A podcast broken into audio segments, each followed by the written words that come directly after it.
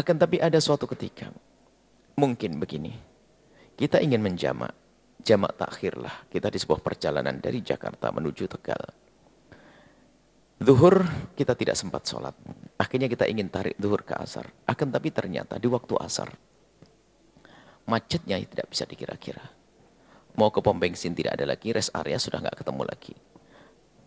Ditunggu dan ditunggu ternyata asar semakin, maghrib semakin dekat. Hampir habis waktu asar.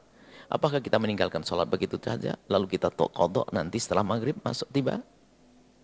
Kalau setelah sampai ke tempat yang nyaman, boleh kita meninggalkan sholat begitu? Tidak boleh. Harus ada ilmunya. Jika memanglah ini, ini gambarannya seperti itu, begitu mudahnya. Jika Anda misalnya ingin menjamak takhir, sholat duhur ingin Anda lakukan di waktu asar bersama sholat asar, akan tetapi ternyata di waktu asar Anda nggak sempat, nggak bisa turun, nggak bisa berhenti, macet total. Anda tetap harus melakukan sholat. Caranya bagaimana? Anda sholat di atas kendaraan Anda. Tapi ngadapnya ke timur, nggak Anda ngadap ke kiblat. Kalau memang Anda tidak bisa menghadap ke kiblat, nggak apa-apa. Anda menghadap ke arah kendaraan Anda. Hanya yang harus kita ketahui, semua sholat yang dilakukan dengan tidak memenuhi syarat, sholat fardu, sah sholatnya, tapi nanti wajib diulang. Yang penting Anda tidak dosa. Anda melakukan sholat dengan menghadap ke timur, sesuai dengan arah kendaraan Anda. Anda rukuk, dengan sujud membungkuk lebih rendah lagi, Anda menghadap ke timur. Cuman karena ini sholat fardu, maka sholat fardu harus menghadap ke kiblat. Kalau sholat sunnah di atas kendaraan boleh tidak menghadap ke kiblat pun sama sah sunnah. Tapi kalau sholat fardu di atas kendaraan jika kita tidak menghadap ke kiblat sholatnya sah tapi wajib diulang, wajib mengulang. Nah ini Anda bagaimana di atas kendaraan? Saya tidak punya wudhu. Anda harus wudhu. Nggak bisa wudhu, nggak ada air, turun saja nggak bisa gimana wudhu? Tayamum, nggak ada debu, susah. Ini perjalanan macet, nggak mungkin saya ngambil debu. Kalau Anda tidak punya debu, dan tidak punya air, Anda sholat faqidut tahuraini. Sholatnya orang yang nggak punya wudhu, nggak punya nggak punya tayamum. Nggak apa-apa, langsung Anda. Apakah pakai jok? Dalam madhab syafi'i nggak ada pakai jok mobil. Kecuali madhab Abu Hanifah dan madhab Malik.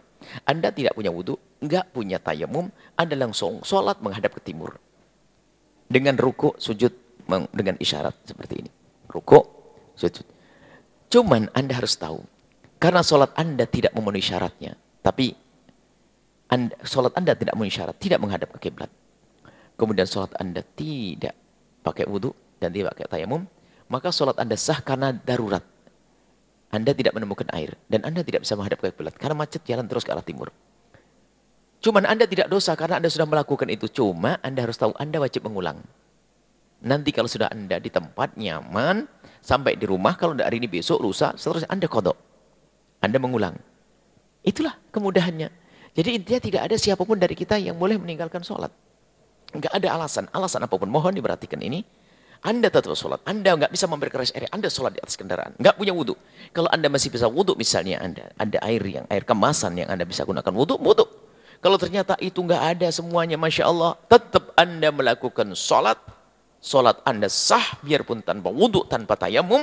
Bahkan tidak menghadap kiblat karena udur. Sholat sah. Cuman catatannya harus diulang.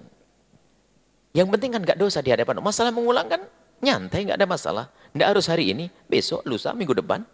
Baik, ini mungkin yang perlu gambarannya. Dan kelengkapannya nanti ini, di sini ada. Solusi sholat di jalan macet. Mungkin bisa diambil sini. Solusi sholat di jalan macet. Bisa juga diambil di buyayah.org. Di situ ada buku-buku. Buku-buku kami, buku kita yang banyak. Ini adalah lumayan agak panjang sih, kecil. Tapi karena tulisannya kecil, panjang. Ini lengkap semuanya, jamak-jamak kosong di atas kendaraan, macet di atas tol. Termasuk bukan harus perjalanan jauh, nanti kami hadirin di sini. Orang Bogor, Jakarta tiba-tiba macet. Jakarta, Jakarta macet. Biarpun 5 kilo bisa satu jam. Bisa hilang sholat asar dan sebagainya. Semuanya ada solusi. Maka inilah kami ulang sekali lagi. Jika ada hamba Allah yang meninggalkan sholat, kami yakin. Bukan karena mereka menantang Allah. Tapi khusnudon kami, karena mereka tidak mengerti cara sholat yang mudah. Ini saja insya Allah. Allah alam.